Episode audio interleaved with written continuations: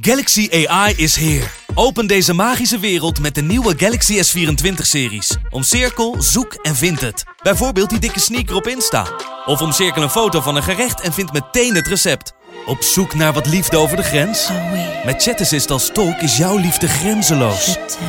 Maak vlijmscherpe foto's en bewerk ze als een pro. Met Photo Assist verwijder je al het ongewenst uit je foto, zoals lelijke reflecties of je ex. Bestel de Galaxy S24-series nu op samsung.com. Vechtersbazen wordt mede mogelijk gemaakt door Unibed. Ja, de vechtersbazen zijn terug in je leven, terug op je beeldscherm of op je oren, hoe je deze podcast ook tot je neemt. En eh, voordat ik verder ga met het introduceren van onze gast, wil ik even aandacht vragen voor onze sponsor Special Gold CBD. Eh, Special Gold CBD is goed voor pijnbestrijding, om je te helpen bij slapen. En bijvoorbeeld als je een topsporter bent, zoals mijn gast vandaag, eh, voor het herstel na een zware training. Eh, check hun op cbnolienederland.nl en eh, eh, laat me ons weten wat je ervan vindt, eventueel. Goed, dat gezegd hebbende, de man vandaag in de studio en nieuw. De Glory Light Heavyweight Champion of the World, Ja. Donnik Jabena. Yes. Kijk, die grijns hè. hoe, hoe Yes. vaak kan je dat nog horen? Nog vaak genoeg, nog duizenden keren. Ja. Het, klinkt, het klinkt nog steeds goed. Ja, drie keer de scheepsrechter hè. Ja, uiteindelijk toch wel, ja. Ik had het ook van tevoren al gezegd. Dat driemaal scheepsrecht zou worden. Maar als het toch gebeurt, na lang en hard werken, na veel tegenslagen, is het gevoel toch heel anders. Ja, ik wil van, vandaag met, van alles over jou hebben. Inderdaad, over die wedstrijd, hoe je kampioen wordt, hoe, eh, hoe het voelt om kampioen te zijn. Ehm, en nog veel meer over jou, over je achtergrond en de weg hier naartoe, et cetera. Eh, ik had een paar weken geleden hadden we Donner van Wissen hier zitten. Eh, de, de, de, de, middleweight champ van, Ja. eh, van Glory. En had het over dat het bijzonder zou zijn als hij, Surinaamse champ, als jij dan ook kampioen zou worden. En eigenlijk moet die Tijani Besati daar ook bij rekenen. Tijani moet ook geteld worden. Surinaamse ja. moeder heeft. Ehm, hoe bijzonder het is dat ja, er weer zo'n nieuwe golf van Surinaamse topvechters ook komt nu. Hoe bijzonder Ja. is dat voor jou? is heel erg bijzonder en het is ook echt een goed gevoel dat we het kleine land, misschien wel groot qua oppervlakte, maar bijvoorbeeld klein qua inwonersaantallen, toch zo wereldwijd op de kaart kunnen zetten. Ja, Is echt een, echt een goed gevoel. ja. Betekent dat wat speciaals voor je? Ja, tuurlijk. En voor mij is het altijd belangrijk dat mensen ook. Huh? Voor mij is het altijd belangrijk dat mensen weten waar ik vandaan kom. En dat is de Suriname. En iedereen mag het zien en iedereen moet het ook zien. Dus daarom dat ik ook altijd opkom met mijn Surinaamse dingen. Mijn Surinaamse vlag, mijn pangi. Zodat mensen... Uh, je pangi, daar even uitleggen voor de mensen die niet meteen weten wat dat betekent. Pangi is eigenlijk een groot doek Ja. met gekleurde patronen, om het even makkelijk te zeggen. En het is een traditioneel kledingstuk die we allemaal dragen. Dus als mensen een Pangi zien, dan moeten ze weten, dit is een Surinamer. Ja, Donovan eh, komt ook altijd met, met daarmee op, toch? Ja, klopt, Ja. ja, klopt. Ehm, ja, het lijkt wel de Suriname promotieweken de laatste tijd. Maar we hebben zoveel goede vechters. Afgelopen week hadden we Remy Bonjassi, ook een grote Surinaamse kampioen. Eh Zeker. en Esther Hoos was natuurlijk, eh, ja, is een van onze grootste legendes ooit. Ja. Had jij als kickbokser een rolmodel, iemand waar je tegen opkeek eh, als, als vechter vanuit de Surinaamse gemeenschap? Dan zou het toch Spong zijn. Sprong, ja? Ja, zeker, zeker. Ja? Harde, harde stoten. Harde stoten, flashy. En als, als jonge jongen dan, was het voornamelijk dat ik altijd naar Spong keek. En ik hou er ook van, hij is een beetje, een beetje buff, snap Ja. je? En dat is, vind ik tof om te zien. Terwijl als je kijkt naar Remy, is gewoon lang, slank. Ja, slank, hij is wel breed, maar Mhm. qua bouw is hij nog vrij slank. En Ernesto Hoos was dan weer iets voor mijn tijd, zeg maar. Ja. Want toen ik vroeger bijvoorbeeld naar Glory keek, heb ik bijvoorbeeld wel gezien dat Bojaski tegen Sprong vocht bijvoorbeeld. Maar ik heb Host nooit echt gezien, Nee. behalve dan als ik echt op YouTube ging zoeken. Ja. Dus dat is dan toch wel weer heel anders. Omdat het leeftijdsverschil denk ik toch vele malen groter is. En nu ik ouder ben, kijk ik die wedstrijden wel terug. Van bijvoorbeeld een host. Maar toen de tijd, toen ik net opkomend kwam, totaal niet eigenlijk. Nee, voor, je, voor jouw tijd. Ja, en, en de sprong tegen Bojaski toen was eigenlijk ook een beetje alweer in de nadagen van Bojaski. Hè? En Ja, wanneer kwam je voor het eerst in, in aanraking met sprong? Is dat je dacht van, hé, hey, deze vind ik tof. Weet je dat nog? Nee, niet eens meer per se. Maar als je als klein jongen gewoon gaat kijken en een beetje gaat luisteren wat je in de sportscholen hoort. Dan was Spong wel een naam die altijd naar voren gebracht wordt. En in mijn begindagen, zeg maar, heb ik ook vaak de naam Ismael Lond gehoord. Je, je lijkt op Isje, dit, dat. Mr. Payne. Ja. Ja, zeker. Harde stoot. Dus die naam hoor- hoorde ik dan vaak. Lond en die van Spong eigenlijk. Die Ja. twee als Surinaamse zwaargewichten. En En, en, en als je aan Spong denkt, wat denk je dan aan qua vechtstijl?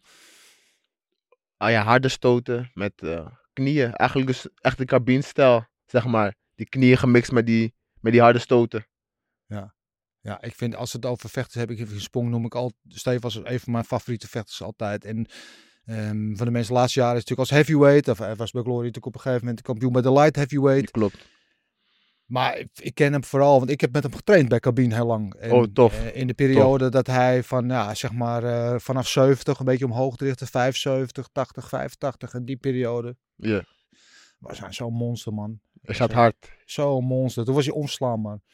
En de partij dat hij naar partijen draaide tegen gasten als Yuri Mes. En Yuri Mes was ook super top. Ja, Judy is echt een beest. Ja, Ja, hij, is echt een beest. hij heeft hem echt klappen gegeven toen. En, en er waren er nog zoveel meer. En toen Kou, weet je Kou Klein nog? Kou Klein was, eh, die deed toen mee in de K1. eh, en die trapte toen Mighty Mo knockout. Die was 78 kilo en die deed mee bij de heavyweight toernooi bij de K1. Nee, was echt, het was toen de tijd was een fenomeen. En, eh, en volgens mij een paar maanden na dat hij de hele wereld had geschokt door een heavyweight knockout te trappen, kwam hij naar, volgens mij was het Almere, vocht hij tegen Spong. Oké. En Spong heeft hem echt mishandeld. Echt mishandeld. Die Pak was- slaag. ja, ja, het is niet jammer dat we, dat we hem niet vaker zien vechten. Die Ja. Een beetje. Maar, maar met die Surinaamse achtergrond, want jij bent in Paramaribo geboren. Klopt, ja. Ja. hoe oud was je toen naar Nederland kwam eigenlijk? Ik was eh, een jonge baby, twee, drie was ik toen. Ja, Dat was echt een kleine, kleine jongen. Ja. Weet je er nog wat van, van die periode? Schimmen, af en toe nog een beetje Ja. schimmen, maar niet echt meer duidelijk van dit was toen Suriname of zoiets eigenlijk. Nee.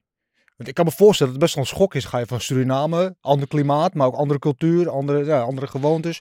Als klein jongen kom je dan maar eens in het koude, kille Nederland eh, terecht. Ik kan me voorstellen dat het best wel een schok is.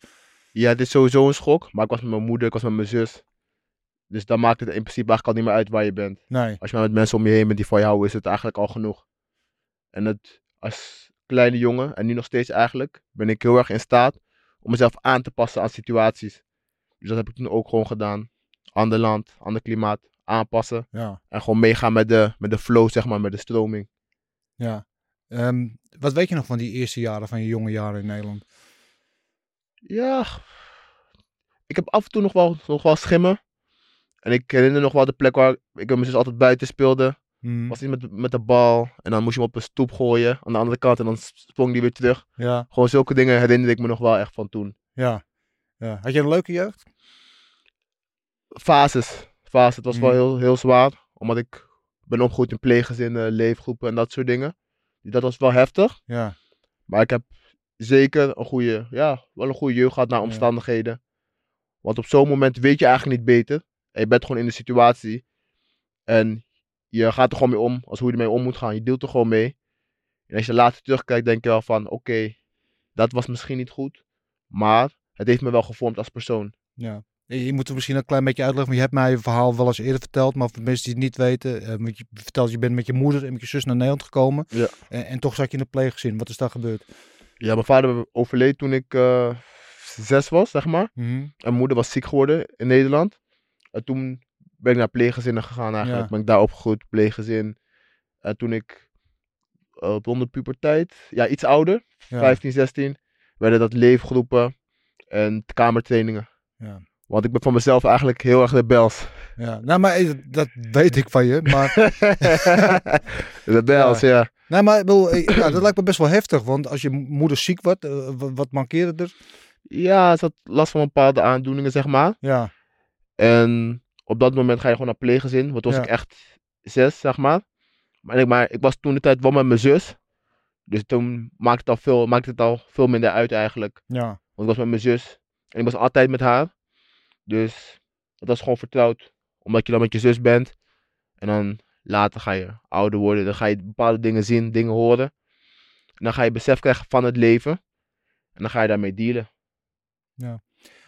Nou, jij zegt het best wel gewoon alsof het heel goed en, en dat, dat geloof ik ook. want Je bent heel goed terechtgekomen. Maar als ik erover nadenk, als je als jonge jongen naar Suriname komt, ook al weet je het bewust misschien niet meer heel goed, ehm, doet dat wel wat met je. Als je bij een heel ander land, om andere omgeving terechtkomt. En in, in, die, in die hele situatie is jouw moeder, is jouw anker. Ja, zeker. En- zeker. Als dat anker dan, als je nog steeds heel jong bent, dan wegvalt bij je. Ik kan me voorstellen dat dat best wel heel heftig is. Ja, ja, het was ook zeker wel heftig. Maar ja, mijn moeder viel weg. En mijn Mhm. zus werd het anker, zeg maar. Ja. Dus heb ik heel erg aan mijn zus getrokken. Je zus is ouder dan je? Ja, ja, ja. Ze is ouder, ja. Ze wordt dit jaar, zo, ze is, het is 30 nu. Ja. En ik ben 25. Ja, nee, ja. Dus we steden op die leeftijd is dat een groot verschil. Ja. Ja, is zeker een groot verschil. Toen heb ik me gewoon aan mijn zus vastgehouden. En zij heeft me toen geleid, zeg maar. Ik heb, ik heb gewoon haar gevolgd. Want dat was vertrouwd. Ja. En nu zijn we hier. Ja. Ja. Wanneer kwam je tot besef, of besefte je dat al, al, al vrij snel van, weet je, dat je in de pleegzin terechtkomt van dit is raar, of dit, dit hoort niet eigenlijk? Ja, ik denk dat dat was rond een jaartje of 10, 11. Ja. Als je een beetje richting volwassenheid begint te, begint te gaan. Mhm. Dus de eerste stappen naar volwassenheid. Dan begin je wel over bepaalde dingen na te denken. En dan heb je ook iets meer besef van het leven. Ja. En dan kan je jezelf beter een mening daarover vormen. Dus ik denk dat het rond die tijd was. Ja. Ja. Was dat ook de leeftijd dat je een beetje begon te rebelleren, wat je net zei? Ehm, ja, nee, niet echt per se. Want ik, was, ik ben altijd hoog in mijn energie geweest. Ik was Ja. altijd... Ja, je was, Ja, was je een lastige jongen?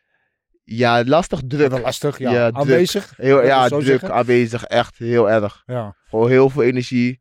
Altijd rennen, spelen, dit en dat. En op een gegeven moment, als je dan een jaartje of 13, 14 wil worden, wil je bepaalde dingen gaan doen. Mhm. En ik ben heel erg. Ja, vroeger zei ze altijd impulsief. Mhm. Als ik iets dacht van, oké, ik wil nu bijvoorbeeld in die boom klimmen, dan ga ik nu in die boom klimmen. En wat er omheen is, dat komt later wel. Maar ik wil nu gewoon in die boom klimmen, dan ga ik dat doen. En bij mijn pleeggezin was het meer altijd van, als je iets wilt doen, moet je het overleggen. Ja. Dus als je bijvoorbeeld naar de stad wil gaan, Ja. of iets, dan moet je van, vandaag overleggen Ja. voor bijvoorbeeld het weekend. Ja, precies. Maar ik was altijd zo van, Ik ga nu. ja, als ik nu wil gaan, wil ik toch nu gaan. Dan waarom zou ik wachten op het weekend? Want misschien wil ik het weekend wel helemaal niet meer. Wil ik wat Mhm. anders doen. En op een gegeven moment word je ouder en dan ga je dingen toch gewoon doen. En dan ontstaat er wrijving. En dan is het beter als je naar een, pl- naar een leefgroep gaat, zeg maar. Ja. En dan vanuit daaruit verder ontwikkelt. Ja. En, en, en dat pleegzin, dat is die, wel die hele periode één pleegzin geweest. Nee, er zijn meerdere geweest. Ja. Maar ik heb bij eentje wel echt lang gezeten. Ja. En na mijn wedstrijd ben ik ook gelijk langs hun gegaan. Om toch maar een vorm van dankbaarheid te tonen. Ja. Want voor mij is het een uurtje. Maar voor hun is het misschien iets van. Hij heeft toch nog. Hij heeft toch aan ons gedacht nu hij, Goed gedaan. nu hij daar zat. Ja, zeker. Ja. Ik ben langs geweest, even gesproken. Langs mijn oude oppas geweest ook. En het was een, was een voldaan gevoel. Dat ik laat zien van. jullie hebben me toch een sterke basis gegeven. Ja. Om te staan waar ik nu ben. Ja. Mooi gebaar van je. Had je je mooie beeld meegenomen? Tuurlijk. Ja, die- Die neem je overal Ja, mee, die- hè? Je gaat overal mee. Want ja, iedereen wil hem zien. Ja. Ze willen Tuurlijk. die liever zien dat ze mij willen zien. nee, dat geloof ik niet. Jouw, jouw glimlach glinstert meer dan die beeld. Maar, maar ja, dat, dat vind ik heel mooi gebaar van je. En, en, maar ik kan me ook voorstellen... Kijk, als ik van mezelf praat... Hè, ik, heb, ik was ook rumoerig in mijn tiende jaar. Ik heb ook, nou ja... Weet je, en het was bij mij dat mijn thuisbasis ook rumoerig was. Weet Ja. je? En, en daardoor, als je thuis geen vaste baas hebt... Wat, net zo, waar je moeder je anker is... is je thuisbaas ook je anker. En als dat anker wankel is, weet je wel... dan ga je buiten de deur rare dingen doen. Zo was ik, weet je. En, en wat ik had is, is niks vergeleken bij jou. Want ik heb Ja. niet de pleegzin gezeten. En ik heb niet in de leefgroep gezeten. Zo. Maar ik ben op een gegeven moment wel ontspoord, weet je. Omdat ja, je hebt geen rust. Als je thuis geen rust Klopt. hebt, dan heb je op straat ook geen rust, weet je. Dan ga je het afreageren op een of andere manier. En, eh, en ik ben later gelukkig wel rustig geworden. Maar ik kan me voorstellen dat dat voor jou ja, misschien wel in, in meervoud zo was. Ja, ja, zeker. Echt drukte. En ik heb dan wel echt mijn rust gevonden in, in de sport. Ja. Dat, heeft me wel, dat heeft me echt goed geholpen. En ook al toen sport, ik was nog steeds wel druk. Ja, Maar het werd steeds minder. En hoe ouder je wordt, hoe rustiger. ja. Is, is de, de vechtsport echt een, een, ja, een, hoe moet je dat zeggen? Heb je dat echt jouw jouw energie kunnen kanaliseren? Dat je daar je energie kwijt kan Ja. en daar een beetje rust in je hoofd vond ook? Ja, zeker. Het was echt een uitlaatklep. Ja, Vroeger, kijk nu nog steeds wel. Dus Mhm. ik hoor dat tenminste. Maar vroeger sprak ik helemaal niet. En nu wel wat meer. En ik ben meer altijd iemand geweest van fysieke dingen. Dus, of Ja. sport. En in dit geval dus kickbox. Is voor mij echt geweest gewoon trainen. Gewoon vier, vijf keer per week in de het gym. meest fysieke wat bestaat ook natuurlijk. Snap je wat ik bedoel? Alles. Alle Ja. agressie en opgekopte hoeden eruit. Ja. En daarvoor is kickbox de perfecte, het perfecte voorbeeld dan. Gewoon in de, gym gaan, in, in de gym gaan. En gewoon hard op die zak stoten. Pap, pap, pap, pap. Ja. Alles eruit. Alles loslaten. En daarna ben je weer rustig. Ja. Dus het was meer therapie eigenlijk Ja, dan ja. echt trainen. Maar ja, maar zo klinkt het ook. Weer als therapie of meditatie eigenlijk. Ja. klopt, ja. Zeker. Nog steeds. Ja. Nog steeds. Als ik een tijdje niet train, word ik een beetje onrustig. ik, eh, we gaan deze podcast afronden. Hup naar je training. Ja. Yes. Nee, maar ehm, wat weet je nog? Want hoe oud was je toen je voor het eerst ging trainen? ik was 15, 16 was ik. Oké. En, eh, het- en eh, ik heb een goede vriend van mij, Shanoa. We zijn al vrienden sinds dat we 12 zijn, zeg maar. Tot, tot de dag van vandaag. En zijn broer Shadaim staat al op kickboksen. Ja. En hij zei tegen mij van, hé, hey, Youngblood, kom mee naar de gym. Ja. Het is echt wat voor jou. En toen ben ik daar gegaan en het klikte gelijk. Wat weet je nog van die eerste training?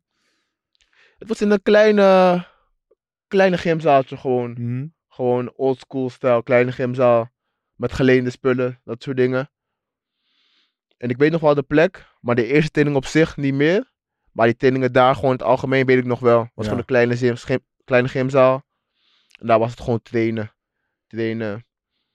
Voor de eerste keer petsen. Voor de eerste keer alles doen eigenlijk. Ja. Maar je weet misschien niet meer precies hoe die eerste training ging. Maar weet je nog wel wat voor een indruk het op je maakte?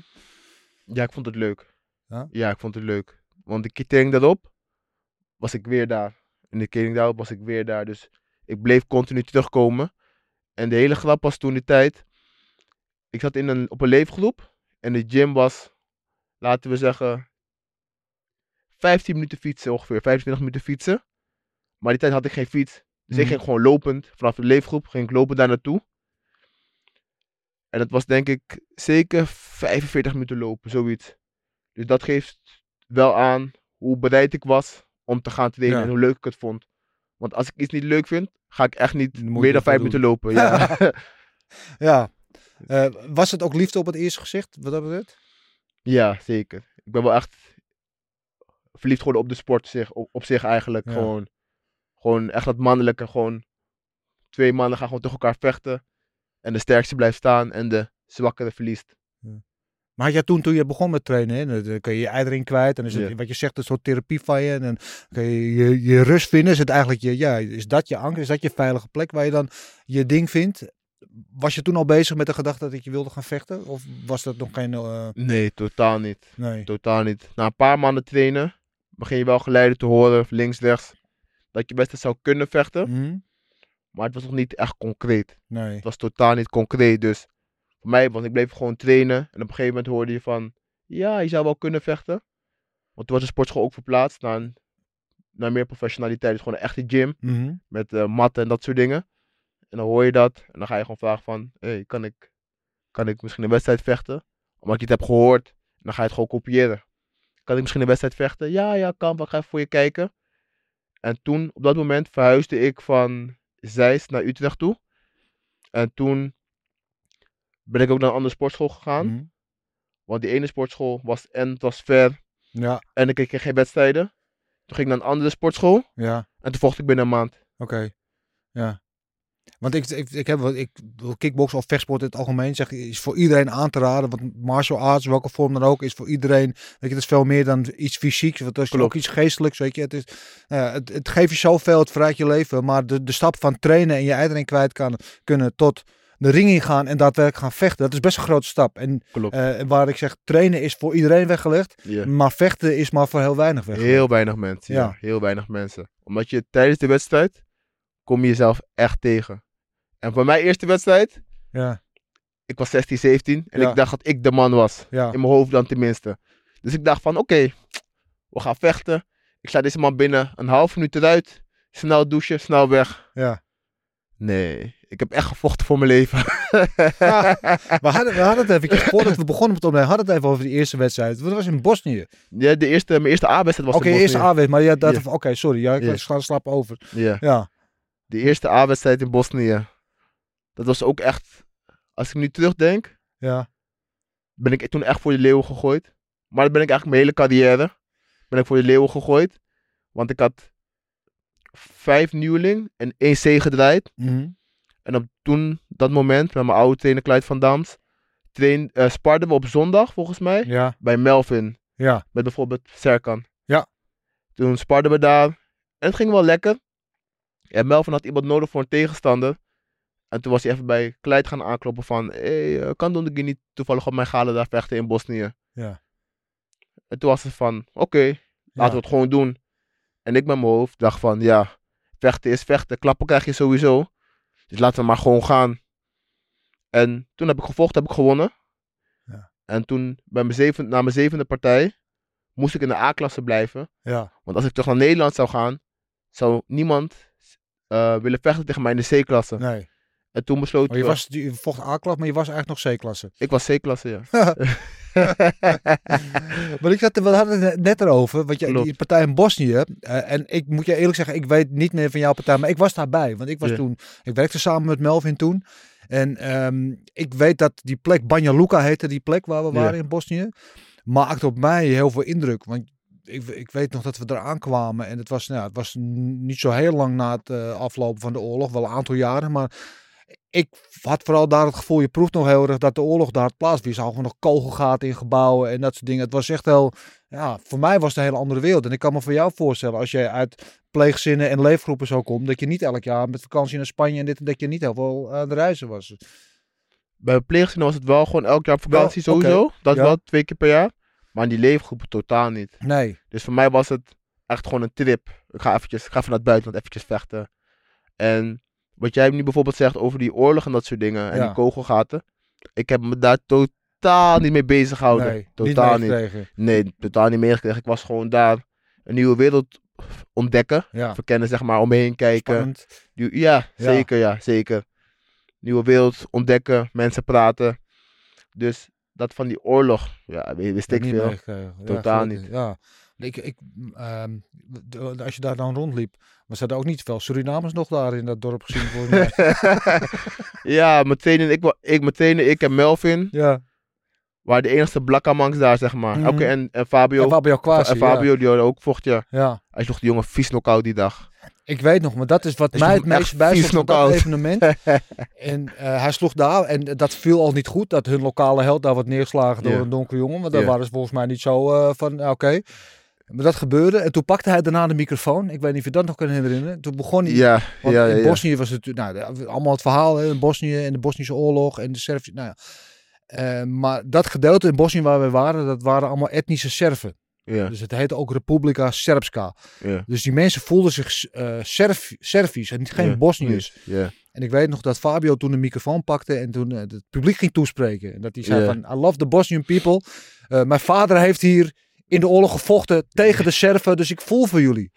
ja. En, Maar ja. zij waren met de Serven. En ik weet nog, op dat moment voelde je, hoorde echt een speld horen vallen in die zaal. En Melvin trok helemaal wit weg. En iedereen van, wat zeg je nu? En, en maar goed, dus, er gebeurde niks gelukkig. Gelukkig ik dacht maar. echt, oh. Hebben we dat weer? Zo, dat was echt spannend, man. ja. Ja.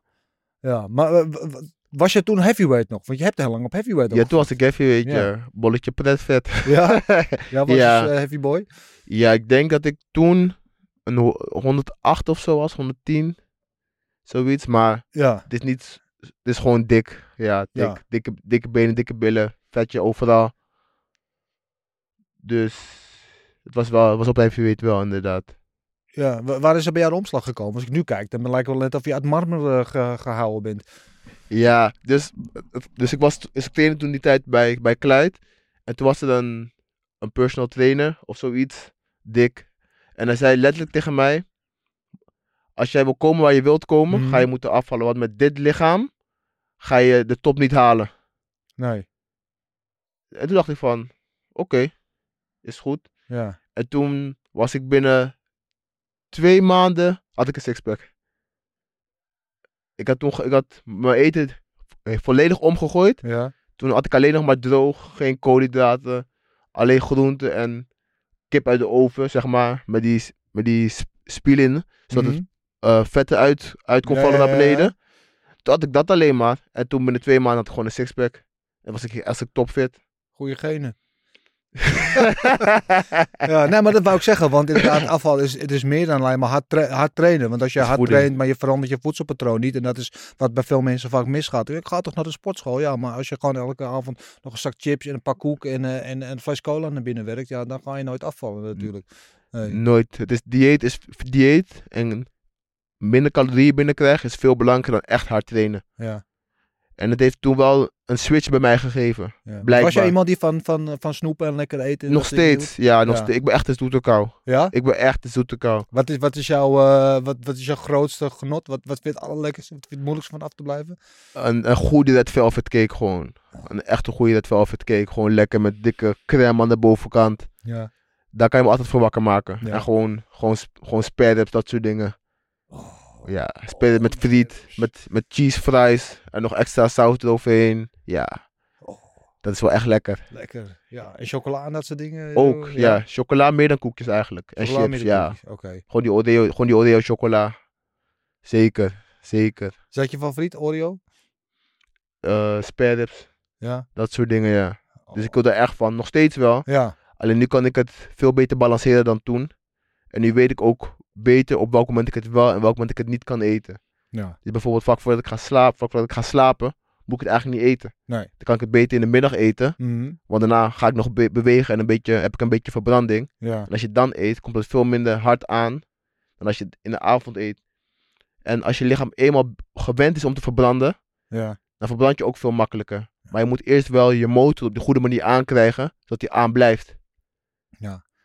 Toen je deze hebt gewonnen, toen heb je wel een lekker red velvertje geklapt, toch? Denk ik. niet? Nog niet. Ik moet het Nee? nog echt gaan vieren eigenlijk, ja. Echt waar? Ja, ik moet het nog wel eventjes gaan vieren. Want normaal had ik het altijd in Amsterdam, Ja. maar die plek is nu weg. Oké. Dus nu moet ik een andere plek zoeken waar ze echt goede, lekkere Red Velvet hebben. Oké. Voor de mensen die kijken, weet jij een adresje voor goede red velvet? Kijk, help a brother out, man. Ja, Warner Brother, Hij alsjeblieft. Ja, maar dan ging je naar, eh, dus ging je van, van heavyweight, ging je naar, eh, naar light heavyweight, naar 95 kilo. Een nieuw lifestyle, nieuw... eh, ja, nieuw- het, het, het ging, het was niet in één keer 95. Het ging bijvoorbeeld eerst van 100, 810 Mhm. naar 102. Toen vocht ik heavyweight zijnde als 100, 102. Ja, Maar die mannen zijn groot. Ja. Die mannen zijn groot en veel zwaarder dan dat ik toen was. ja, En ik heb ook vaak gevochten tegen mannen van 130 kilo, 120 kilo.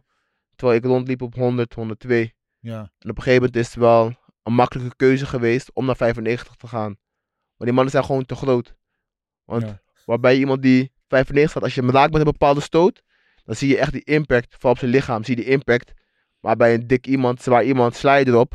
En je kan blijven slaan en er Ja. gebeurt niks. Nee. Ja. Ja, dus dan, dan maar naar beneden.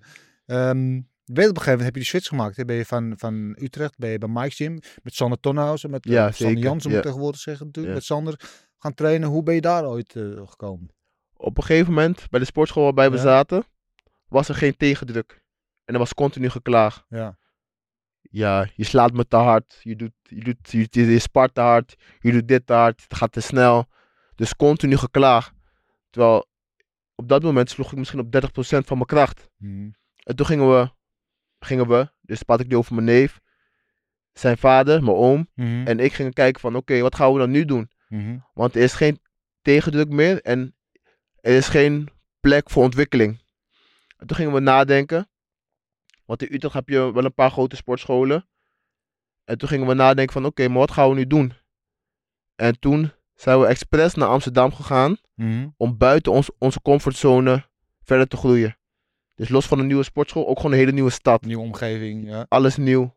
Want een plaats is ook Utrecht en Amsterdam, is een wereld van verschil. Ja. En toen hebben we speciaal gekozen voor Amsterdam, omdat het toch heel anders was. En nog meer uit die comfortzone, zodat we nog meer konden groeien. En toen, ja, toen werd het Mike. Want Ja. Mike natuurlijk een grote naam heeft en veel goede, zware jongens heeft. Zijn we gewoon daar naartoe gegaan. ja. En daar heeft nooit iemand tegen je gezegd dat je te hard spaarde, of niet? Meet day, nog nooit. nog nooit. Ja, de Nee. beruchte meet day daar. Ja, ja. die days waren heftig hoor. Ja, maar dat is wel een omslag dan. Als je van, van een sportschool in Utrecht komt, waar, waar jij dan de, de grote, de sterkste, de baddest motherfucker in the room bent. Ja, En je komt in een zaal vol met sharks, alleen maar killers. weet je wel, waar je moet water trappelen bij wijze van spreken om, om boven water te blijven. Hoe, hoe was dat die eerste paar keer? Oeh, Ik weet nog de allereerste keer. Ja? We stonden in de vierde, dus we waren toen al te laat. Ja. En ze waren al aan het trainen.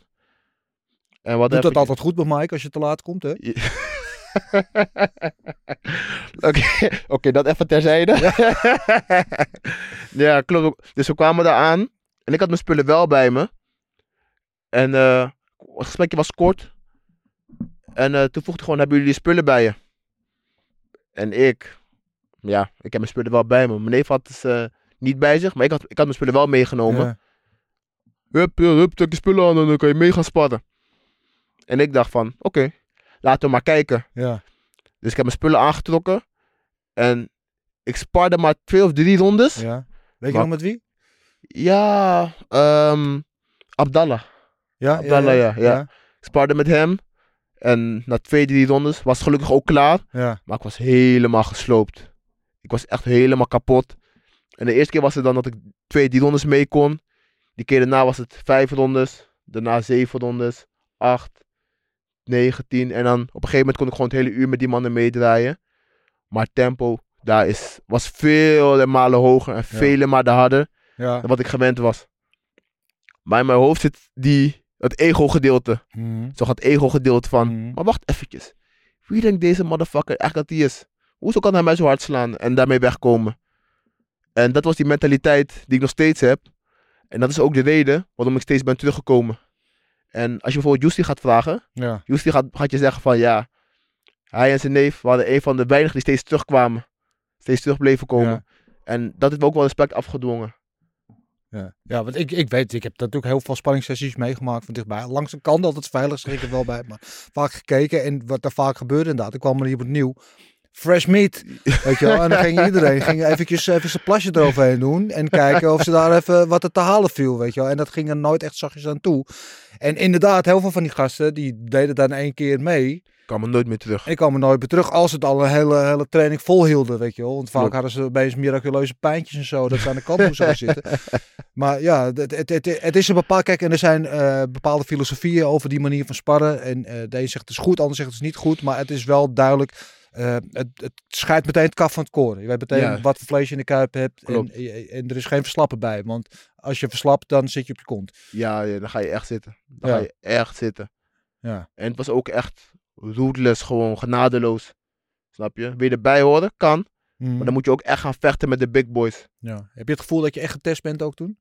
Ja, ja, zeker. Ja. Ja, zeker. Die tijd, die tijd heeft wel echt laten zien uit wat voor hout ik gesneden ben, zeg maar. Ja. Wie waren de examinatoren? Daar moet je denken aan eh, Murray, Fernando, Justy, eh, Colin. Gewoon zulke namen waren daar. Ja. En ja, als je daar bent moet je echt gas geven. Mhm. Fabio ook. Fabio gaat ook echt hard.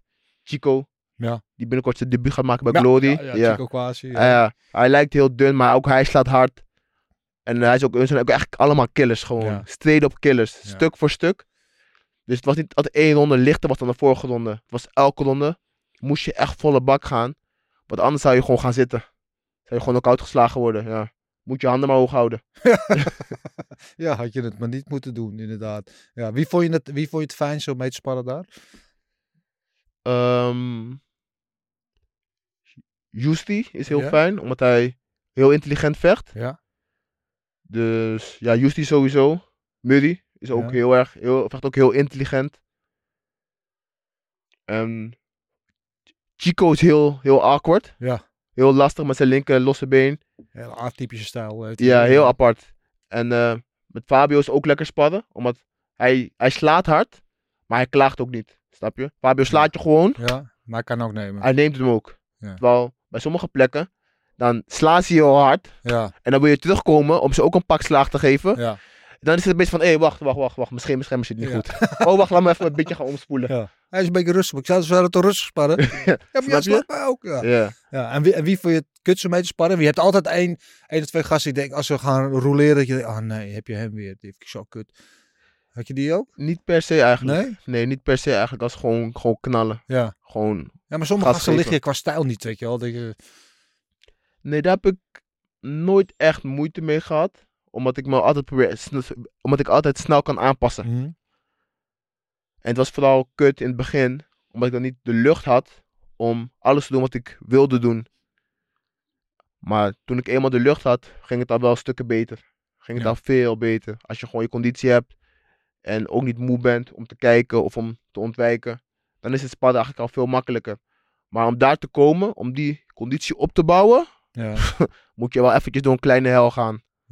Wat is het grote verschil? Want je bent eh sinds een tijdje trainer dan bij SB Gym, bij Site in, Utrecht. ja.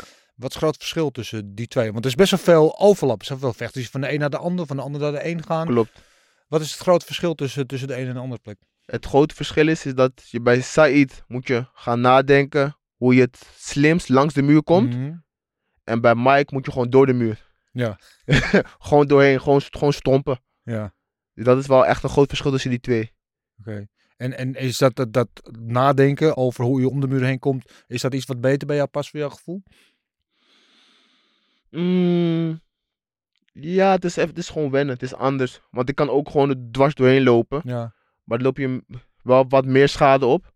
Terwijl als je gaat nadenken hoe je het makkelijkste om die muur heen kan, kan lopen, kost het wel veel minder schade eigenlijk. Ja. Nee, ik zeg dat je het zegt dat het een goed is, wil niet Ja. zeggen dat de ander slecht is. Hè. Het is ook wat je Ja. bij je past. Want ik vind Serkan, die dan net de, de omgekeerde weg heeft bewandeld, zeg Ja. maar. Ehm, in zijn geval vind ik het ook een logische stap, omdat ik denk dat de stijl van Mike goed bij hem past, bij zijn stijl past. Klopt. En waar ik bij jou wel het idee heb, en, en, en niet dat Mike niet bij je past, want Mike heeft je ver gebracht en je hebt veel aan te danken. Maar Ja, zeker. waar ik eh, bij jou soms dat je niet eh, het maximale uit je technische capaciteiten haalde. Klopt, ja. Want ik van die baas die ik heb gekregen bij, bij Kleid bijvoorbeeld, is heel technisch. Jab, linker trap, linker knie, zulke Ja. dingen. En bij Mike was het gewoon hard stoten en af Ja. en toe geef je een trap of een knie. Eigenlijk ja, een trap. Ja. Want knie gebeurt er ook niet heel veel. Nee.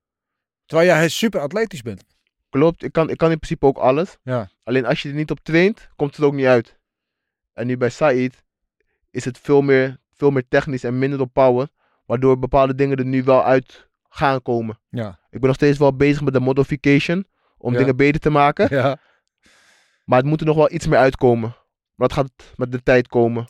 Omdat het een hele andere stijl is eigenlijk. ja. Dat- Als je aan de leek moet uitleggen wat eh, het verschil is in hoe je nu vecht ten aanzien van hoe je nog onder Mike vocht, zeg maar. Wat is dan, wat is dan de grootste, ja, grootste verschil eigenlijk? Ehm, ik kickbox completer. En ik doe meer. Ja. Ik doe meer. Dat is wat ik heb gezien dan tenminste. Ik zie veel meer low kicks, lichaamstappen en knieën er doorheen komen. Terwijl bij Mike was het echt stoten, stoten, stoten. En af en toe geef je een trap. En nu is het veel completer.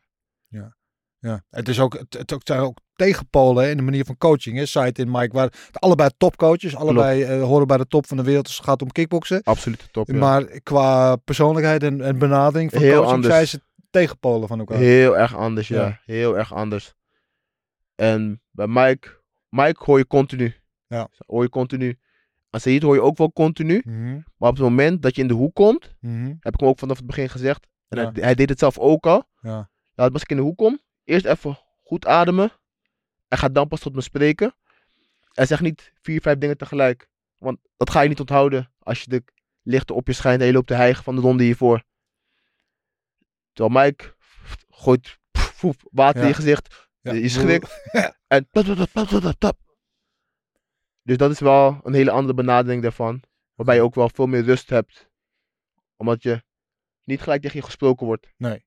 Eerst op, eerst op adem komen. Adem reguleren, En daarna- slokje water. En daarna pas ga je verder. Ja. En soms zegt hij ook, zegt hij ook niks. Ja. Soms zegt hij in de hoek ook gewoon niks. De eerste Ja. 40 seconden. Nee. En is- pas als je terugloopt, zegt hij oké, let hier en hier op. Dan heb je dat bij je. En dan ga je door naar de volgende ronde. Je hebt een, ehm, je kwam stormachtig binnen bij Glory. En dat doet op een gegeven moment een beetje een, een ja, vervelende periode, maar zware periode gehad. Hè? Want je, ik weet nog, je, je vocht toen in Parijs tegen Fakitov. Klopt. Toen je de, de kans kreeg om, om op de bel te vechten. En Fakitov was zo heel soeverein in die divisie. Prachtige vechter. Eh, en jij bracht hem echt naar de rand Ja. van de afgrond. Waarvan sommige mensen ook zeiden van, had je wel verloren? In ieder geval split decision. Misschien had je wel gewonnen. Ja. Ehm, eh, dat geeft, op dat moment kan me voorstellen heel veel vertrouwen. Van oké, ik heb het misschien net niet gehaald, maar ik ben zo dichtbij. Nou gaan we eventjes in die overdrive. Nee, dat gevoel had ik eigenlijk Nee? niet. Nee.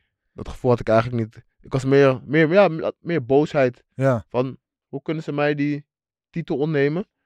Terwijl ik, als je gaat kijken naar punten en naar wat er gedaan wordt. mhm, dat ik duidelijk heb gewonnen. En toen kwam het aanbod van Pereira. En terwijl ik, ja, zeg maar, vergelding ervoor hebben. ja, Snap je? Oh, toen, oké, we gaan het nu snel nog een keer doen. ja. Want dat nu- was de volgende partij. Die kwam daarna meteen. hè? Klopt, ja, Ja. klopt. Terwijl ik toen op dat, dat, dat moment, omdat ik in die wedstrijd ook mijn hand had gebroken, was het eigenlijk veel slimmer geweest om even gas terug te nemen. Mhm. Zet je emoties aan de kant. En ga even rationeel nadenken over het volgende. Maar dat aankom, het, aankom, het aanbod kwam binnen. En ik was toen in Suriname. Ik was eh, zeker 12 kilo aangekomen of zo. Het aanbod kwam binnen. Toen was het van, zou ik dat gaan doen? En toen was het van, ja, is er, nu, is er, is er nog een kans voor jou om een titel te pakken? Dab, dab, dab, dab. En toen was ik van, oké, dan gaan we het maar gewoon doen. Ja. Terwijl ik een veel te korte voorbereiding had gehad, gebroken hand. En ik was, denk ik, mentaal niet helemaal in balans. Nee. Omdat ik had nog, ik had nog woedend van de uitleg van die vorige wedstrijd. Dat ik daarom niet, ja, ja, geen goede keuzes kon maken. nee. Is, is dat dan jeugdige onbezonnenheid, onervarenheid? Of Ja. waar wijk je dat dan aan? Ja, zeker. Omdat ik nu heb ik het, een keer, heb ik het al een keer meegemaakt. Dus Ja. mocht zo'n situatie zich weer voordoen in de toekomst, ga ik ze aankijken. Ga ik zeggen van nee, nu nog niet. Geef me nog eventjes twee maanden, geef me nog drie maanden. Laat me eerst eventjes mijn hand helen bij wijze van spreken. Ja. En dan gaan we er opnieuw naar kijken. Dit was voor een vechter als Pereira zes weken om te voorbereiden. Terwijl je van niks komt, ja. Is het eigenlijk veel te kort. Nou ja, en waar je van niks komt, waar je misschien met de blessure kan, maar ook waar je nog veel te veel in de emoties zit, misschien vanuit die boosheid, zoals je zegt. En, ja, en dat zou je nu ook beamen. Dat ja, alle vechters weten, vechten met emotie is nooit goed. nooit. Want dan maak je fout. Als je boos wordt, dan ga je fouten maken. En, en die moet juist die emotie kunnen masteren, weet je, kunnen, Ja. kunnen beheersen. En, en, en dat is misschien ook een, een wijsles voor je geweest. ja, ja, zeker. Ja. zeker. Dit is gewoon puur, alle, dit is puur allemaal ervaring geweest. Mhm. En nu is het makkelijk praten, want ja, nu heb je het al een keertje meegemaakt. Ja. Nu heb je het klappen van de zweep al gehad. Maar toen de tijd was het gewoon, ja man, ik ga vechten. Want dat is wat ik altijd deed. Voor mij was het altijd vechten. Ja. Wat er ook gebeurt, ik kan altijd nog vechten. Je In de redding uit de ring, Ja. overal. Dat was gewoon die mentaliteit van, oké, we gaan gewoon vechten. Ja. En nu in de wedstrijden zie je het af en toe ook nog terug. Dat ik gewoon ga, gewoon ga staan en gewoon ga vechten met die Mhm. mannen. Gewoon in de pocket. En dan Ja. gaan we gewoon pompen. Dat is mijn, dat is zo, zo ben ik gebouwd, zeg maar. Geprogrammeerd. Juist, gewoon om te vechten. Gewoon als man zei, die gaat gewoon vechten. Mhm. prehistorie-achtige dingen. Terwijl nu merk ik ook aan mijn wedstrijden al, en wat ik ook hoor van mensen, dat ik veel kalmer ben. Ik vecht veel rustiger, ik ben veel meer ontspannen. Ja. En toen had ik dat gewoon niet. Toen had ik die capaciteiten en die ervaring nog niet om zo om te gaan met de situatie. Nou is, is het verlies van Pereira eh, helemaal in hindsight. Hè? Als we nu geen schande meer, want de man is eh, wereldkampioen bij de UFC. Dus dat niet. Maar de, de manier waarop je de wedstrijd verloor was natuurlijk pijnlijk hè? Met, met die KO. Ja. Ehm, Heeft dat je lang achtervolgd? Of wat heeft dat met je gedaan eigenlijk emotioneel? Want ik weet niet hoe jij met een nederlaag normaal omgaat. Maar deze was natuurlijk ja, best wel onluisterend. En ehm, daarna verloor je nog twee keer. Weliswaar misschien discutabel, hè? Split decision. eh, eh, daar kunnen we lang of kort over praten. Maar ja, hoe je het ook went of verkeerd, het heeft je wel nog een tijdje achtervolgd. Ja, het was gewoon kut. Ja. Ja. Gewoon om het even kort door de bocht te zeggen. Ja. Het was kut. Maar het geeft je wel levensles, zeg maar. Dat je bepaalde dingen, als je wil presteren aan de top, dat je bepaalde dingen niet meer moet doen. Of niet meer zo moet benaderen of zo moet bekijken. En tuurlijk is het kut, want bij, vooral bij vechtsport en van de zwaardere divisies en nog met corona, je vecht bijna nooit. Nee. Je hebt geen ritme en je vecht weinig, dan vecht je nu, dan vecht je over een jaar weer, dan vecht je een- aan anderhalf jaar weer. En dat was kut, maar het heeft me wel laten zien dat ik wel degene ben die ik denk dat ik ben. Dat ik, wat er ook gebeurt, hoe zwaar de storm ook Ja. is, dat ik alle tijden bovendrijf en on top zal zijn. Maar ik, eh, ik kan me voorstellen, ehm, weet je, dan verlies je. En dan het best, de beste remedie tegen de Verlies. pijn van een verlies is weer winnen. Ja, dat is gewoon helemaal dus het simpelste wat er is. De beste remedie is gewoon weer een wedstrijd winnen. En dan kom je daar uit, zo, uit zo'n wedstrijd, voel je kut, weet je. Dan, dan Ja. draag je de tijd met je mee. En dan verlies, vecht je weer, verlies je weer, vecht je weer, verlies je weer. Ik kan me voorstellen dat op een gegeven moment dat er iets insluipt. Dan van ja, fuck deze shit, weet je. Ik ga lekker wat anders doen of ik stop ermee. Of, hoe, ja, kun je die, die periode omschrijven, hoe je daar toen naartoe was? Ja, want na de Pereira fight vocht ik anderhalf jaar later pas weer. Dus anderhalf jaar later heb ik daarmee, gelo- heb ik daarmee gelopen. Ja, Maar het is ook, vooral van mezelf is van, ja, soms win je, soms verlies je. ja. Maar ten alle tijden leer je. Dat, dat had ik wel in mijn hoofd. En toen moest ik tegen de vaders. Hoorde ik het ook een maand van tevoren. En toen was het weer van, fuck it, we kunnen Mhm. altijd nog vechten. Mhm. En dat heb ik toen ook gewoon gedaan. Dat was weer een, een ding is van, ja, is de, is de uitslag goed of niet goed? Ja. Het was het blijkbaar weer niet goed. Waar, waarbij veel, veel mensen ook dachten dat het eigenlijk andersom moest zijn. Ja.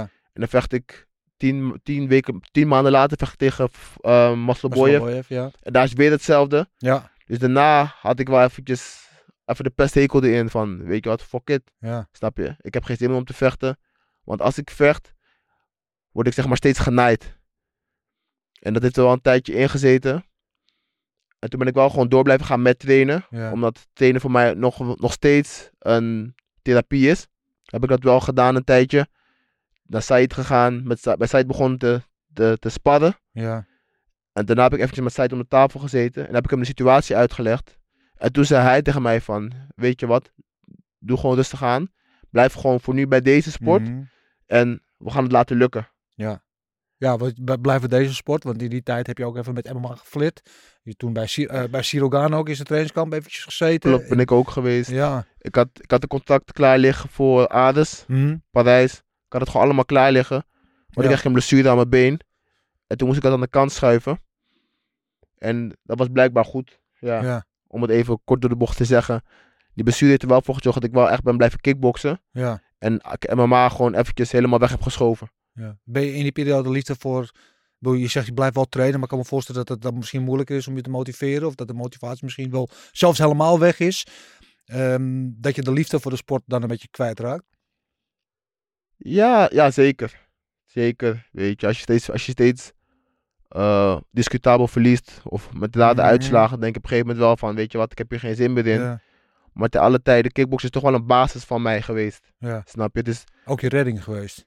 Zeker, het is die basis en de redding geweest. Dus dat blijf, dat blijf je bij je houden. En ik ben iemand, ik wil altijd goed uitzien. Dus dan train ik met de andere reden. Ja. Dus niet meer per se om te vechten. Ja. Maar gewoon om er goed uit te blijven zien. Om Om een beetje slecht te zijn. voelen bedoel ik. Ja. nee, maar jij bent de mooiste cameraman van Amsterdam. niet vergeten. Ja, maar oké, ja. ja, dus gewoon om, om fit te blijven. Gezond te blijven. Ik ben een beetje gaan boksen. Ik ben een beetje gaan reizen. En op een gegeven moment weer een gesprek met Said gedaan. Dus hij blijft nog maar doorgaan. We gaan het laten lukken.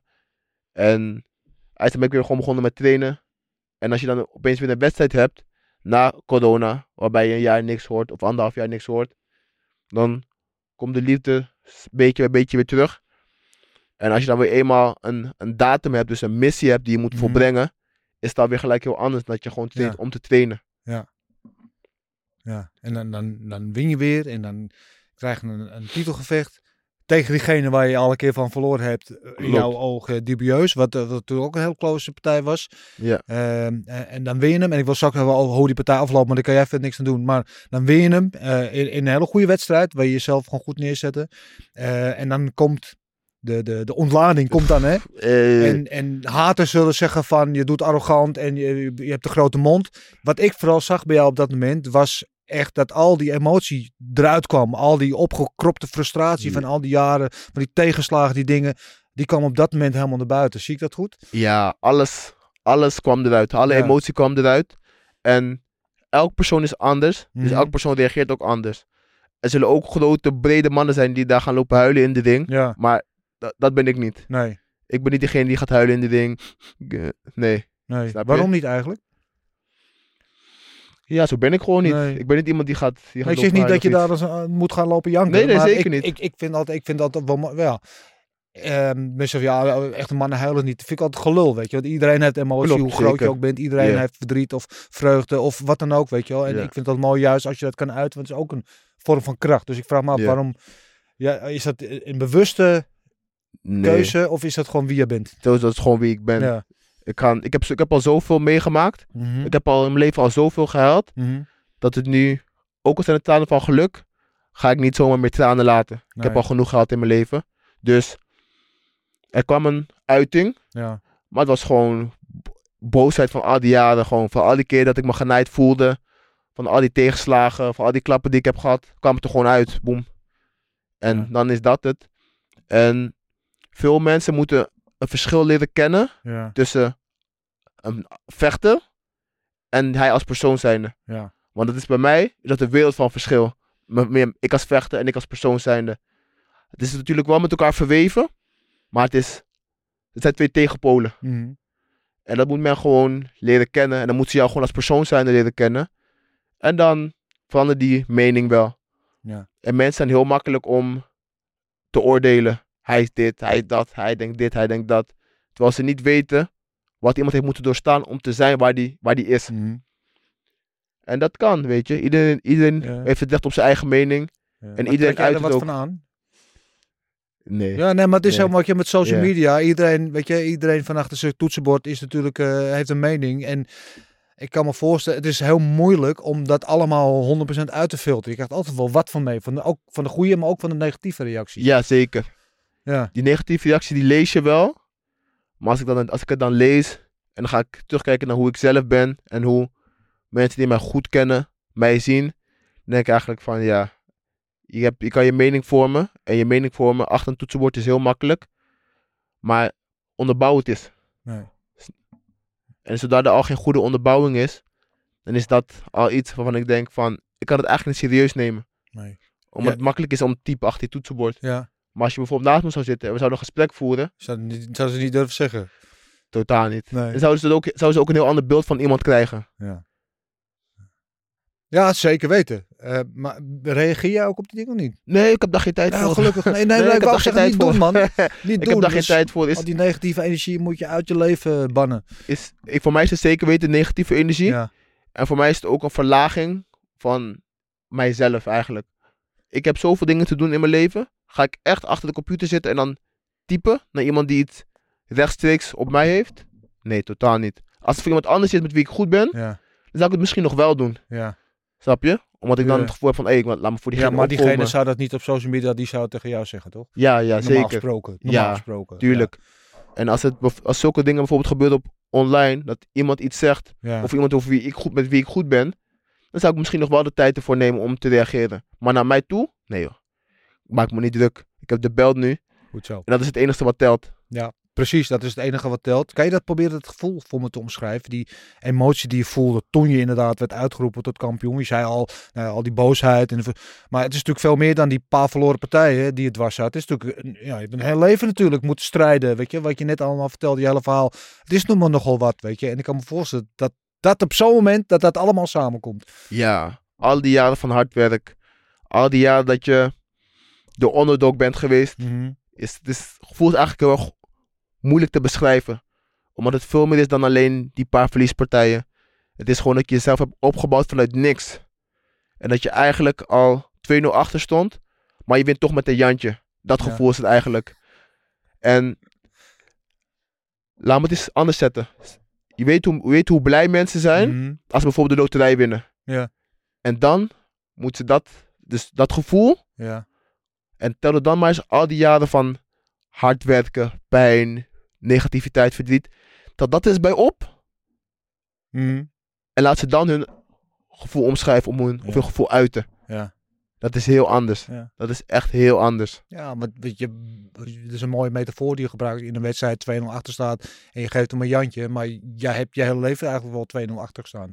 Meer zelfs. Ja. Veel meer zelfs.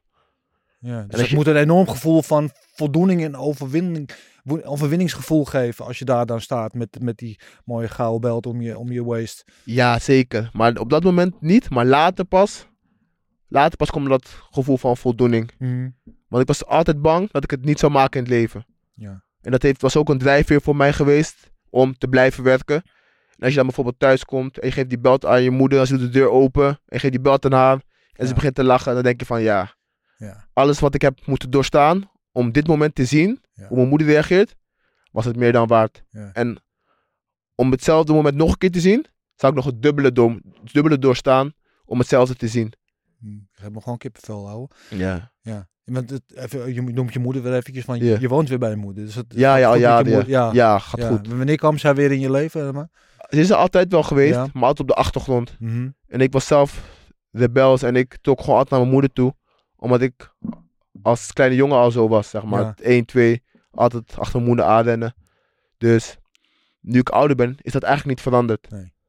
Ik ga altijd weer terug naar mijn moeder of bellen of waar, waar ben je? Ook als ik in het buitenland ben, stuur ik een paar foto's, krijg ik een memo terug. En dat, dat is dan weer geeft dan weer voldoening. Ja. Om gewoon te doen wat ik doe en het te blijven doen. En niet, het, niet de verkeerde kant op te gaan. Ja, Je anker. Zeker. Wat vond je van de wedstrijd zelf tegen Masloviev? Toen ik aan het vechten was, was het gewoon tunnelvisie. Mhm. Maar ik heb de partij teruggekeken. Mhm. En we hebben echt een hoog tempo gedraaid eigenlijk. Mhm. Dat is een goede wedstrijd. Echt, echt een hoog tempo, ja zeker. Ja, van twee kanten. Ja, ja, Ja. zeker. Ja, ja, zeker. Hij heeft, hij heeft zeker goed gevochten. Hoog tempo gedraaid. En waar ik in het begin een beetje, een beetje zo naar keek, Ja. van het conditiegedeelte, omdat hij altijd degene is die zijn tegenstander eruit werkt, Ja. Was ik nu degene die hem eruit werkte en hem Ja. bleef drukken. En ik zag ook dat de trainingen met, met Said en Mikey wel echt hebben geholpen, want het was een veel completer. Waar ik opeens een uh, rechtse directe linkhoek, rechtse low kick zag, die ik eigenlijk van mezelf niet zou geven. Ja. Van mezelf zou ik gewoon links, licht en hard rechts geven. Ja, ja. Zag ik dat eruit komen. En dan zie ik wel ontwikkeling. Waar ik nog wel heel veel stappen moet maken. Om, aan, om als absolute koning te kunnen, eh, te, kunnen regeren. Moeten nog wel stappen gemaakt worden. Maar als ik zie tussen bijvoorbeeld het laatste half jaar dat ik met Said ben. En in de progressie die we hebben gemaakt. Kan ik wel tevreden zijn. Als je de wedstrijd ook zag, ik, ehm, volgens de juryleden had, je had een open scoring heb je dan, hè? dus had jij de eerste twee rondes gewonnen. En hij de derde. En zo zag ik het zelf ook wel een beetje, eerlijk gezegd. weer Hij zette zich aan, hij zette aan in de derde ronde, ja. Ja. Ik, ik, ik, zag- ik had het zelf ook door in de wedstrijd. Ja. Ja, en, en, en- jij was met boksen was jij, was jij beter, met knieën kwam je een paar keer goed door. Hij kwam vaak met die low kick eh, kwam je goed door. Klopt, Ja, ja. hoeveel last je van? Ik was toen ik dat zag op een gegeven moment bang van als deze partij vierde, vijfde ronde gaat, kan je wel eens nadelen van ondervinden. Ja, ja dat, dat zeker ook. Ja. Dat zeker ook. Maar mensen moeten niet vergeten. We zijn gemaakt van Surinaams hardhout uit de jungle. Dus hij kan, hij, ja, toch, hij kan blijven kappen. Maar op een gegeven moment gaat het kappen, overhouden, gaat het, kappen- gaat het kappen ophouden. Mhm. En dat gebeurde ook. Ja. Ja. Ja, want dan eindigt het. Kijk, je wilt natuurlijk liever beslissend winnen dat je hem knock-out slaat of dat je afduiken punten wint. Nu komt er een dokter aan te pas. Wat, ja, zit jij ook niet op te wachten natuurlijk. Maar winnen is winnen uiteindelijk. Het is, dat is wat ik in de laatste jaren, Ja. dus gewoon de laatste, sinds, laten we zeggen sinds Fuck It Off, wat ik echt heb geleerd, Mhm. is dat topsport is genadeloos. Ja. En alleen winnen telt. Dus voor mij op dat moment was het echt zo van, ja, lekker belangrijk. Ik heb toch gewonnen, daar Ja. gaat het om. Terwijl ik nu denk van, oké, ik had misschien liever toch wel uitgevochten Ja. om echt een stempel op de wedstrijd te kunnen drukken. Ja. En de haat dus je mond te snoeren. Ja. Maar aan het eind van de dag is het gewoon wie wint er. Ja, tuurlijk. En, kijk, en wat mensen vaak niet begrijpen, en dat wil ik dan op deze plek nog wel eens uitleggen, dat als iemand, zoals in dit geval een scheur in zijn scheenbeen heeft of een scheur bij zijn wenkbrauw, eh, waardoor een dokter aan te pas moet komen, dat het gevecht moet gestopt moet worden, dan is dat dat hij een verwonding heeft die hij heeft opgelopen door iets wat jij gedaan hebt. Klopt. En dat is dus ook onderdeel van het vechten. Als jij iemand een keiharde knie op zijn neus ge- geeft en zijn neus staat zo en de dokter zegt stop maar, dan komt het door die knie. En als jij iemand slaat en zijn wenkbrauw gaat open, dan komt dat door die stoot of die trap of die knie. Die, jij- en dat is in dit geval natuurlijk eigenlijk hetzelfde. Klopt. Het was gewoon een hele korte blok. Die ik heb geleerd van Lloyd van Dam. Kort blokken. Ja, En ik heb hem teruggekeken. De blok was echt, dat was echt een vieze blok. ja, Echt vies en heel kort. ja, Gewoon echt heel kort. En je zag ook zijn bot eruit komen. ja. Ja, het zag er niet goed uit. Nee, nee, Nee. Dat, dat, nee dat zeker niet. En mensen, mensen die de regels niet goed kennen, of die, die gaan kijken op de social media van, in dit geval dan Sergey, en die loopt te klagen, gaan een vertekend beeld hebben omdat ze de regels niet goed kennen. Want als ik niet had geblokt, had hij me de hele avond Loki's kunnen geven. En tot die tijd kon hij me ook gewoon Loki's geven zonder dat er wat gebeurde. En toen gaf ik hem een korte blok. En toen was het stop. Dus dat betekent dat ik toch wel iets gedaan zou moeten Ja. hebben Ja. om hem dat te bezorgen. Nee, dus daar eh, kan, kan niemand wat aan afdoen. Ehm, nou ben je kampioen, dat kan niemand ooit meer van je afpakken. Je bent Nee, tot, dit tot in je dood, blijf je kampioen. Eh, maar kampioen worden is één ding, kampioen blijven is de volgende stap natuurlijk. Ehm, ja, ik wil van jou weten, hoe ziet jouw pad in je hoofd uit? Glory heeft al gezegd, waar Robbie Timmers laatst ook eh, bij Vechtersbaas, die zei ja, ik zou het heel logisch vinden hoe, met hoe het afgelopen is dat we Maslobiev meteen een rematch geven. Eh, Scott Rudman heeft dat ook zoiets gezegd, volgens mij op social media. Hoe sta je daar zelf in? in principe voor mij maakt het niet uit tegen wie ik vecht. Want ik heb in al die jaren dat ik bij Glory vecht, heb ik één altijd tegen top 5 gestaan. Mhm. En ik heb nooit, ben nooit iemand uit de weg geweest. eh, uit de weg gaan, eh, gaan lopen. Of ik heb een stoppertje gespeeld. Nooit. Dus voor mij, als hij een rematch wil, geen probleem, kom maar. Ja, Maar dan zit in mijn hoofd van, oké, hij heeft een scheur aan zijn been. ja, En de vorige keer duurde dat, toen hij dat kreeg bedoel ik, ja. tegen Ja, was dat, ja. was vier maanden geleden, vijf maanden geleden. Ja, En het is blijkbaar nog steeds niet geheeld. nee. Dan wanneer gaat het wel goed genoeg geheeld zijn? Langer nog, oktober volgens mij. Ja, Was ja, oktober. ja, vier, vijf Ja, maanden. vier, vijf maanden. ja. En het is in die vier, vijf maanden is het niet geheeld. En nu is het nog dieper en zag er nog botten uitkomen. Mhm. Dan wanneer gaat hij klaar zijn om tegen mij te vechten? Ja. Want ik ga echt niet meer op mensen wachten om tegen hun te vechten. Ja. Dat is het enige wat in mijn hoofd rondspookt van, oké, hij wil een rematch, kom maar op, we vechten. Maar hij is nu oud en het Mhm. gaat lang duren om te herstellen. Dus wanneer gaat dit gevecht dan moeten zijn? Ja. Want hij geeft sowieso low kicks. En ik ga hem sowieso, ik ga hem sowieso weer een korte blok geven. En dan hebben we weer hetzelfde verhaal. Ja. En dat zijn eigenlijk de dingen die door mijn hoofd rondspoken. Ja. En voor de rest, ja. Ja, maar even lo- los van dat verhaal, want het is een heel eh, plausibel verhaal wat je vertelt. Maar stel nou, hij is morgen klaar, vechten, noem maar wat. Zou je, zou je hem dan die kans gunnen om, gezien hoe het afgelopen is, om hem dan weer als tegenstander te nemen? Die kans gunnen, ja, ik, ik weet niet. Ik moet dat even overleggen natuurlijk met mijn team. Wat, Mhm. we, wat de juiste stappen zijn voor nu. En aangezien ik de kampioen ben, denk ik dat ik nu wel meer zeggenschap heb over hoe, wat, waar. En het zou sowieso een leuk, leuker, leuk gevecht zijn. Want ik zie hem wel nu als de beste in de divisie na mij. Ook omdat hij natuurlijk veel ervaring heeft. Hij heeft goede conditie. Hij werkt veel. Dus zie ik hem wel als de topper na, na mij. Maar het is puur wat mijn team zegt. Wat mijn team wilt. En dan gaan we samen gaan we met een plan komen voor de toekomst. Want vroeger, van het begin van Glory, was het gewoon vechten. Mhm. Je gaat daar, oké, je gaat gewoon vechten. Je gaat Ja. weer vechten. En nu denk ik dat we op een punt zijn aangekomen. Waarbij we beter kunnen uitstippelen wat de juiste stappen zijn om naar die legendary status te komen. Wel een verschil, hè? Want jarenlang heb je op die belt gejaagd, paar keer dichtbij geweest. Ehm, nu ben jij degene met de target op zijn bek. Nu jagen ze op jou. Wat natuurlijk aan de ene kant hoef jij niemand uit te dagen, kunnen ze naar jou te komen. Aan de andere Klopt. kant, ja, ben je van de jager, ben je, je de prooi geworden. Voelt, dat Ja, voel je dat al een beetje zo? Of voelt, het anders? Of... ik voelde dat gelijk al eigenlijk. De Ja? volgende, die volgende zondag voelde ik dat al. Dus ik was maandag, was ik weer in de gym. Omdat ik het ook, ook gewoon buiten de podcast om heb gezegd van... Hé, ja, die, vroeger was ik aan het jagen. En nu denken ze op mij te kunnen jagen. Maar nee, Nee. ik ga nog steeds op hun jagen. Dus ik was gelijk in de gym. Gelijk voorbereiden, herstellen voor wat er aan gaat komen. Want wat, mijn laatste trainingscamp was wel mijn zwaarste camp tot nu toe. Mhm. Maar dat is pas het begin. Ja. Want het is een marathon. En we zijn pas net begonnen. We, zijn net, we hebben net de warming-up gedaan. En nu pas gaat het echte werk beginnen. En ergens komen is makkelijk. Maar ergens blijven voor jaren, dat is heel, heel moeilijk. En in mijn hoofd had ik voor die wedstrijd al een absolute beslissing genomen van ik ga winnen. Ongeacht wat er ook zou gebeuren. Ik had die absolute beslissing al gemaakt van dit keer is het driemaal scheepsrecht. We gaan nergens. We gaan die belt winnen. Ja. En voor nu om door te groeien naar die absolute topstatus van Mhm. legende. Ja, wanneer heb je die bereikt in jouw ogen? Wat moet je daarvoor doen? Ik denk als je... Hoe vaak heeft Vakitov verdedigd de titel? Vier keer, vijf keer? Zoiets, ja. Volgens mij vijf keer, ja. Ja. Vijf keer. Dan moet ik voor zes gaan. Ja. Dan moet ik eigenlijk voor zes gaan. En om die status te behalen, moet je ook zo gaan leven. Dus in mijn hoofd heb ik gewoon voorgenomen. Ik ga gewoon als Rico doen. Ik heb gehoord dat Rico het hele jaar door fit is. En elke week minimaal een x aantal keer traint. Dus laten we zeggen vijf keer per week. Ik wil net zoals hem zijn. Ik wil ook de titel verdedigen voor de aankomende tien jaren. Moet ik hetzelfde gaan doen.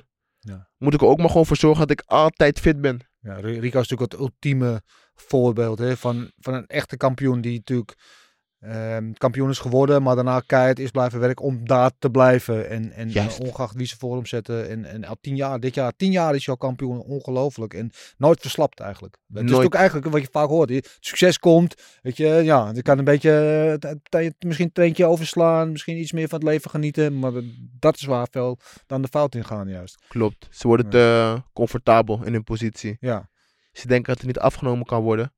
Maar er staan zeker drie, vier haaien te wachten om hun plek te nemen. En dat gaat mij niet overkomen. Van. Omdat ik de jongste ben. En in principe ook het meest fit ben van hun. Mag dat mij de aankomende jaren echt niet gebeuren. Nee. Dus dan wordt het, dan wordt het maar gewoon elke week vier, vijf keer trainen. Ook al heb ik wel of geen wedstrijd. Ik moet gewoon Rico als voorbeeld nemen dan in dit, in dit opzicht. Om fit te zijn en alle tijden te trainen. Dus dan doen we dat ook. En dan ga ik hem gewoon kopiëren. Dat klinkt goed. Maar moet. Ja. Moet. Want deze, want deze bad, ja, die mannen moeten niet denken dat ze hem kunnen krijgen bij een portie friet of zo. Of uit een zak chips. Dat, dat speelt je bij die zak chips, Chips is toch? niet goed voor je. Chips Ja, is niet goed voor je. Nee, eet geen chips.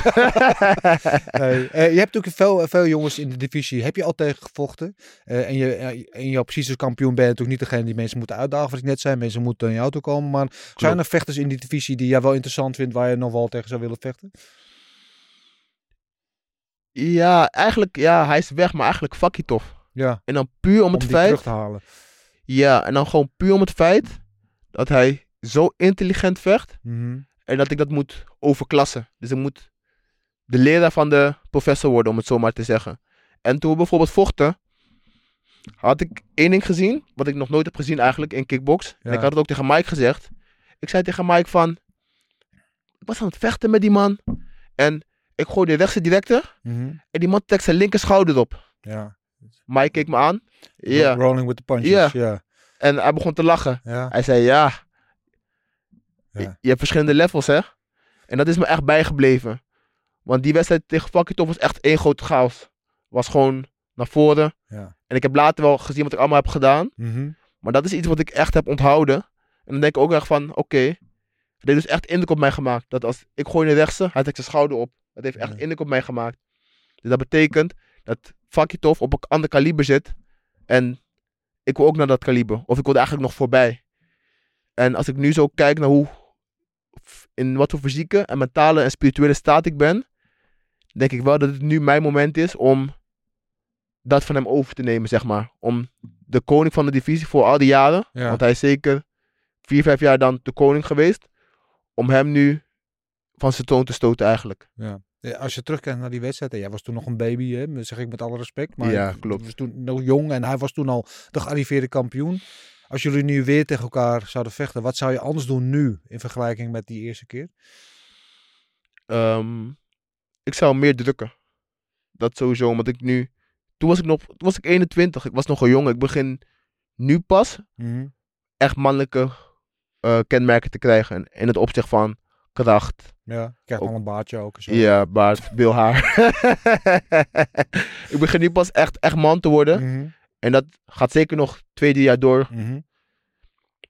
Maar ik merk dat ik gewoon fysiek veel sterker ben. En ook veel rustiger in mijn hoofd ben. Ja. En dat die rust en die kracht, als dat goed gecombineerd gaat worden, zou ik hem in principe gewoon van de kaart moeten vegen. Maar dat is een, een speculatie. En de enige manier om daar werkelijk achter te komen is combat. Gewoon fysieke, fysiek werk. Dus ik hoop dat hij terugkomt. Ik, weet, ik betwijfel het. ja, Maar hij is dan wel degene die dan als eerste op de lijst staat. mooi. Zou ik ook nog wel willen zien. Ik heb trouwens ook nog, zat ik net te bedenken, nog een heel leuk filmpje volgens mij ergens liggen van jou en je grote vriend Michael Duut. Die elkaar ergens in een hotellobby eh, allemaal eh, lieve dingen zoet aan toestaan te roepen. Ik had hem bijna knuffel gegeven. Jullie hebben elkaar, jullie hebben ook tegen elkaar gevochten. Jullie hebben al een lang, langlopende veten met elkaar. En hij is natuurlijk nu niet in, in de title picture. Want hij moet dus wat wedstrijdjes gaan draaien weer en zo. Maar Klopt. je hebt wel iets, wat, wat is dat wat je met hem hebt? Het is wel iets speciaals wat jullie samen hebben. Ja, mannen mogen blijkbaar niet. Nee. Zoiets, denk ik dan. En de wedstrijd met hem was, was een mooie wedstrijd ook. Het was Zeker. ook gewoon vechten. Dat is een knokpartij. Snap ja. je wat ik bedoel? En ik denk dat het publiek dat ook wel echt leuk vindt. Maar met alle respect, hij heeft... Wanneer is hij voor het laatst gevochten? En tegen wie? Ja, dat is al wat poosje geleden. Ja, voor mij was het tegen Don King. Of Ja. zo, John King, Martin Luther Oh King. ja, ja, tegen die Amerikaan. Ja, ja, ja. ja, John John, King King. ja, John- Don, ja, Don King, ja. Martin Don Luther King, King. maar dan zonder de grijze afro. Ja, snap je? En met alle, en met alle respect. John King is geen kickboxer, hij is een Muay Thai vechter. ja. En in Amerika, en aangezien ik nu de kampioen ben, kan ik gewoon zeggen van, we begin maar eerst wat te laten zien aan mij. Mhm. Dus los van Duut op zich, maar voor meerdere gasten, van, laat maar wat zien. Laat maar wat zien wat jullie werkelijk hebben. Want een- Um, er zijn ook heel veel duivelpartijen geweest. En die mannen zijn wel in de denking komen staan. Ja, Maar ze hebben niet de echte gloryvechters tegenover zich gehad, zeg maar. nee. En dat is wat ik, wel, iets wat ik eigenlijk wel wil zien. Want voor mij, ik heb mijn plek, ik heb er hard voor moeten Je, moet, vechten. je hebt het verdiend. Mensen heb- moeten het verdienen. Ja, je moet die plek Ja. echt verdienen als gloryvechter. En ik heb het ook echt gedaan in al die jaren. Tegen de absolute top gevochten. Dus laat nu die andere mannen, die eerst makkelijke ingang kregen, laat hun nu maar tegen de toppers gaan vechten. Laat me maar zien. Laat me maar zien wie wat heeft. In plaats van schreeuwen op social media of iets, dat je tegen mij kan vechten. Ja. Laat me het maar zien. Helemaal mee eens. Ik, ik hoop overal dat Michael Duurt nog terugkomt. Want eh, los van het feit dat het Massie TV is ook vaak als hij vecht. Hè, want er gebeurt altijd wat weer Bij hem is altijd spanning. Ja, bij hem is altijd, wat wat. Ehm, ik vind, ik, ja, ik- jullie liggen elkaar niet. Ik vind het ook een mooi mens. Ik kan Michael Duurt heel goed hebben. Eh, en ik, ja, ik vind dat hij er wel een beetje bij hoort. Dus ik hoop, Hij hoort- wie weet, dat het dat ooit nog een keer van komt. Hij, hij hoort er zeker bij, want hij zit ook al jaren bij Glory. Ja, En ook hij heeft ook tegen de absolute toppers gestaan. Alleen de afgelopen jaren was het wat minder. Heeft Ja. wat minder gevochten, voor zover ik weet. Dus laat hij, laat hij maar weer beginnen te trainen. En dan zullen we het wel zien. Want bij hem is altijd spanning. Of hij slaat diegene knock-out. Waarvan de kans altijd heel groot is. Of hij wordt knock-out geslagen. En dat is iets wat het publiek zeker aantrekt. Ja. Dus een hij heeft een attractieve vechtstijl. ja. Brengt dat ook iets extra's bij jou naar boven in zo'n gevecht? Weet je? Met Tavares heb je ook zo'n eh, rivaliteit gehad. Juice boy. nee, nu niet meer. Nu niet meer. Het is nu niet meer extra motivatie om tegen bepaalde mannen te vechten. Nee. De motivatie die ik nu heb, is het behouden van mijn positie als topper, als de absolute man. Dat is mijn motivatie nu. En ik, deze belt wil ik niet meer verliezen. Dus dat is al meer dan genoeg motivatie voor mij om nog harder te gaan dan vorige camp. Om diezelfde dingen die ik heb gedaan vast te houden en nog meer dingen daarbij te voegen. Zodat ik nog completer word en nog beter word en nog fitter, sterker, noem maar op. Als jij nou eh, de kans geeft, hè, een spiegel voorhouden en ehm, tegen de 12-jarige Donnegie te praten. De 12-jarige Donnegie die van, eh, van pleeggezin naar woongroep ging, naar leefgroep ging en op, op het schoolplein rottigheid uithaalde. Wat zou je tegen die Donnegie willen zeggen? Ehm, blijf foute dingen doen, want daar leer je van. Van alle fouten die je hebt gemaakt, is een levensles. Want vooral nu deze tijd wil men geen fouten meer maken. Maar van fouten leer je juist. Dus dan moet, in principe moet je juist fouten maken om daarvan te leren. En ik ben iemand, ik ben heel eigenwijs. Als ik zeg dat iets A is, de hele wereld, mijn hele familie kan tegen mij zeggen dat het B is. Maar als ik weet dat het A is, dan blijft dat A. Ja. En ik leerde pas van op het moment dat ik, het, dat ik mezelf tegenkom Ja. met iets van, hé, hey, je hebt dat toen gedaan. En een daar- beetje voorhoofd op die B ligt. Ja, je snap je, je, bent- je, je, hebt je hoofd gestoten, je Ja. hebt nu een beeld, oké. Dit, dit en dit heb je gedaan, wat heb je ervan geleerd? Mhm. Dit en dit, oké. Neem het mee in je rugzak en ga daarmee verder in het leven. Mooi. Ehm, ik vond het een heel mooi openhartig gesprek met je. Ik weet dat je, ondanks dat je wel eens een beetje brash overkomt, dat je niet graag over je gevoelens en dat soort dingen praat. Eh, ik ben blij dat je toch een inkijkje hebt gegeven Ja, tuurlijk, tuurlijk. in, in wie jij bent en wat jou drijft. En ik vind dat altijd belangrijk om te begrijpen. Want niemand vecht zomaar. Iedereen heeft een, een, een, een route daar naartoe, naar waar ze nu zijn. En. Ehm, ik, ik vind het onze positie hier om die verhalen een beetje naar de mensen te brengen. Omdat mensen een beetje hopelijk beter begrijpen waar je vandaan komt. En wie de mens achter eh, de kampioen is. Ja, ja, zeker ook, zeker ook. En mensen zijn altijd heel makkelijk met vooroordelen, omdat ze iets zien. En ik weet niet wat die vechters voor ons hebben gedaan. Dus die oldschool vechters, ik weet niet wat ze hebben gedaan.